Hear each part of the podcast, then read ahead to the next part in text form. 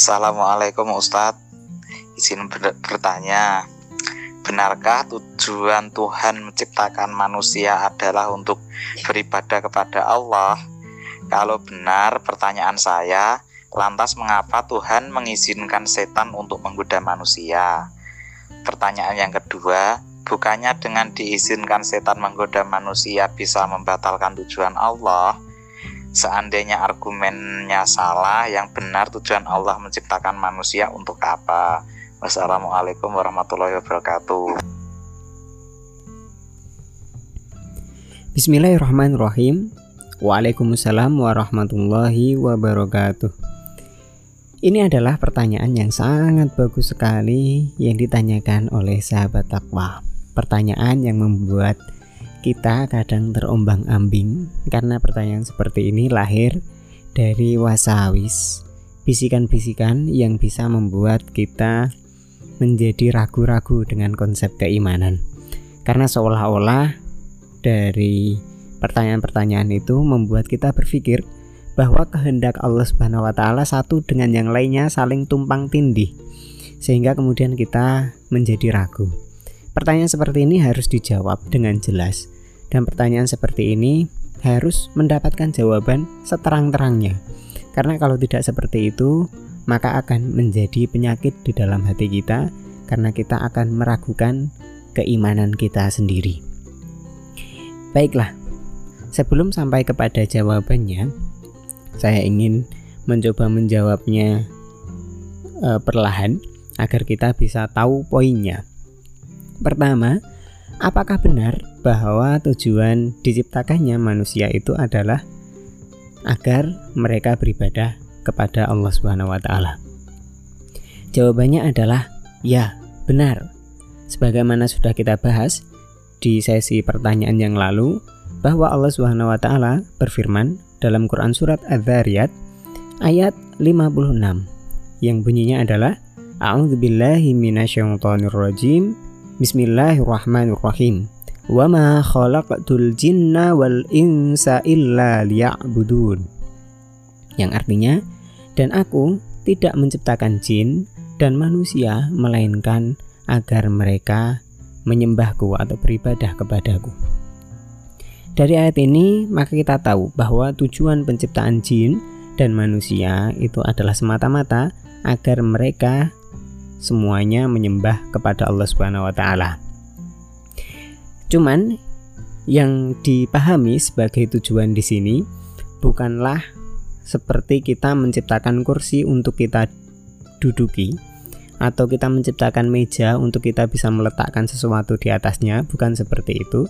Tapi yang dimaksud adalah dan tidaklah aku yaitu Allah menciptakan jin dan manusia melainkan agar aku memerintah kepada mereka agar mereka menyembahku. Jadi tujuannya adalah pada perintah ibadah itu sendiri. Sehingga kita dapat mengetahui di sana ada jin dan manusia yang beribadah kepada Allah, yang menjawab seruan Allah, dan di tempat yang lain ada juga jin dan manusia yang tidak beribadah kepada Allah. Dan itu sudah benar sebagaimana yang Allah Subhanahu wa taala kehendaki. Karena kehendaknya Allah bukan menjadikan mereka semua beriman akan tetapi memerintahkan mereka untuk beriman, sebagian ada yang menerima dan sebagian ada yang tidak. Inilah yang memang menjadi kehendak Allah Subhanahu wa taala dan di sana ada hikmah yang sangat sangat luar biasa agung. Kemudian kita akan masuk ya setelah kita tahu konsep ini kita akan masuk kepada e, pertanyaan dari penanya tadi, yaitu tentang kalau Tuhan, eh, lantas mengapa Tuhan atau Allah mengizinkan setan untuk menggoda manusia? Bukankah dengan diizinkannya setan menggoda manusia, maka itu bisa membatalkan tujuan Allah? Nah, pertanyaan seperti ini muncul karena kita memahami bahwa tujuan yang dimaksud itu adalah seperti tadi kita menciptakan kursi untuk diduduki. Sehingga kalau kursinya rusak kita nggak bisa duduk berarti tujuannya batal. Nah tidak seperti itu. Ya tidak seperti itu. Akan tetapi tadi tujuan menciptakan manusia jin untuk menyembah maksudnya adalah agar Allah memerintahkan mereka untuk menyembah Allah bukan pada menyembahnya. Tapi baiklah kita akan e, membahas ini secara perlahan dan detil dan pertanyaannya akan saya rubah menjadi lebih mengena atau lebih pada poinnya yaitu apa sih hikmah diciptakannya setan? Atau apa hikmah diciptakannya iblis? Ya karena pertanyaan seperti tadi muncul dari sini ya. Kenapa Allah Subhanahu wa taala harus menciptakan makhluk seperti iblis seperti setan yang dia bergerak untuk menyesatkan manusia menjauhkan mereka dari jalan Allah Subhanahu wa taala. Jadi apa hikmahnya? Baiklah para sahabat takwa, perlu kita ketahui bahwa ketika Allah Subhanahu wa taala menciptakan segala sesuatu itu adalah berdasarkan sikapnya yang qadir, yang maha berkuasa dan sikapnya yang hakim, yaitu yang maha bijaksana. Maka tidak ada sesuatu pun yang diciptakan oleh Allah Subhanahu wa taala kemudian sia-sia tidak ada hikmahnya sama sekali. Itu tidak mungkin. Lantas apa hikmah diciptakannya iblis? hikmah diciptakannya iblis itu sangat banyak yang bisa kita ketahui sangat sedikit ya karena hikmah Allah itu sangat tinggi dan kita tidak bisa menjangkaunya yang bisa kita ketahui di antaranya adalah yang pertama kenapa iblis diciptakan yang pertama adalah untuk menunjukkan kesempurnaan kekuasaan Allah Subhanahu wa taala bahwa Allah Subhanahu wa taala itu berkuasa untuk menciptakan apa pun yang ia kehendaki. Maka Allah Subhanahu wa taala berkuasa untuk menciptakan berbagai hal yang bertentangan. Contoh, Allah Subhanahu wa taala berkuasa menciptakan siang yang terang benderang, tapi Allah Subhanahu wa taala juga menciptakan malam yang gelap gulita. Allah Subhanahu wa taala menciptakan bumi yang ada di bawah sebagai hamparan dan Allah Subhanahu wa taala juga menciptakan langit Allah Subhanahu wa taala menciptakan uh, sesuatu yang panas, tapi Allah Subhanahu wa taala juga menciptakan sesuatu yang dingin. Maka ini menunjukkan kesempurnaan penciptaannya. Termasuk Allah Subhanahu wa taala menciptakan makhluk-makhluk yang senantiasa beribadah kepada Allah. La ya'sunallaha ma amarahum wa yaf'aluna ma yu'marun. Yaitu Allah Subhanahu wa taala menciptakan makhluk yang tidak pernah bermaksiat seperti para malaikat. Allah Subhanahu wa taala juga menciptakan para nabi orang-orang yang senantiasa beribadah kepada Allah. Dan sebagai kebalikannya, Allah Subhanahu wa taala juga mampu menciptakan makhluk yang enggan, tidak mau untuk beribadah kepada Allah. Makhluk yang sombong, makhluk yang kufur kepada Allah Subhanahu wa taala yaitu iblis. Jadi, hikmah penciptaan iblis yang pertama adalah untuk menunjukkan bahwa Allah Subhanahu wa taala itu kekuasaannya mutlak kekuasaan penciptaan Allah Subhanahu wa taala itu sempurna. Kemudian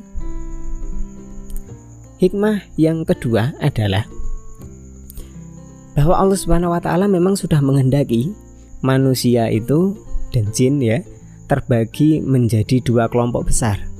Di antaranya ada syakiyun yaitu kelompok yang akan binasa dan ada sa'idun kelompok yang akan berbahagia maka demi tercapainya kehendak Allah Subhanahu wa taala itu Allah Subhanahu wa taala menciptakan iblis. Sehingga siapa yang mengikuti iblis, maka dia akan termasuk kelompok yang syakiyun, yang akan celaka, yang akan binasa. Sedangkan siapa yang tidak mengikuti iblis dan mengikuti aturan jalannya Allah Subhanahu wa taala yang diridhoi, maka dia akan menjadi kelompok yang sa'idun. Ini hikmah yang kedua. Kemudian hikmah yang ketiga dan ini yang poin paling utama. Tadi dikatakan bahwa manusia dan jin itu diciptakan agar mereka beribadah kepada Allah Subhanahu wa taala. Nah, hikmah penciptaan iblis, penciptaan setan itu adalah agar membuat ibadah itu menjadi semakin berwarna dan beragam. Tanpa diciptakan setan, tanpa diciptakan iblis, maka ibadah tidak akan berwarna dan tidak akan beragam. Di mana nanti letaknya jihad kalau tidak ada iblis? Manusia semuanya berada di jalan Allah, maka tidak ada jihad. Ya, tidak bisa ada jihad. Di mana nanti ada sabar untuk meninggalkan kemaksiatan. Kalau nggak ada iblis, di mana itu ibadah itu? Kita nggak bisa beribadah kesabaran dong, karena tidak ada iblis yang menyeru kepada tidak sabar kufur kepada Allah. Di mana nanti letak ibadah walak wal barok ya di mana ada orang yang kita harus sayangi, kita harus loyal dan ada orang yang harus kita musuhi. Kalau tidak ada iblis, maka siapa yang akan kita sayangi dan musuhi? Kita nggak akan tahu itu. Kemudian di mana letak ibadah-ibadah yang lainnya. Jadi akan ada banyak ibadah-ibadah yang akhirnya hilang gara-gara tidak ada setan atau tidak ada iblis.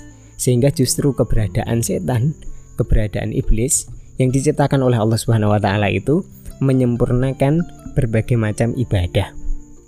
Sehingga ibadah itu tidak hanya taat kepada Allah tapi juga meninggalkan kemaksiatan di mana iblis sebagai orang yang paling ada di depan menyeru manusia untuk meninggalkan ketaatan dan mengajak kepada kemaksiatan kepada Allah Subhanahu wa taala. Jadi ini jawaban yang saya kira sangat jelas sekali yang bisa mengikis apa yang ada dalam pikiran kita, mengikis kebimbangan, mengikis was-was yang membuat kita bisa ragu sampai-sampai bisa berpikir seolah-olah kehendak Allah itu saling tumpang tindih. Seolah-olah kehendak Allah itu satu dengan yang lainnya saling bertabrakan, saling bertentangan. Padahal sebenarnya adalah uh, akal kita yang belum belum sampai. Jadi ini jawabannya. Semoga bisa menambah ketenangan dalam hati kita di atas keimanan dan ketakwaan dan semoga bermanfaat. Ini yang bisa kami jawab. Wassalamualaikum warahmatullahi wabarakatuh.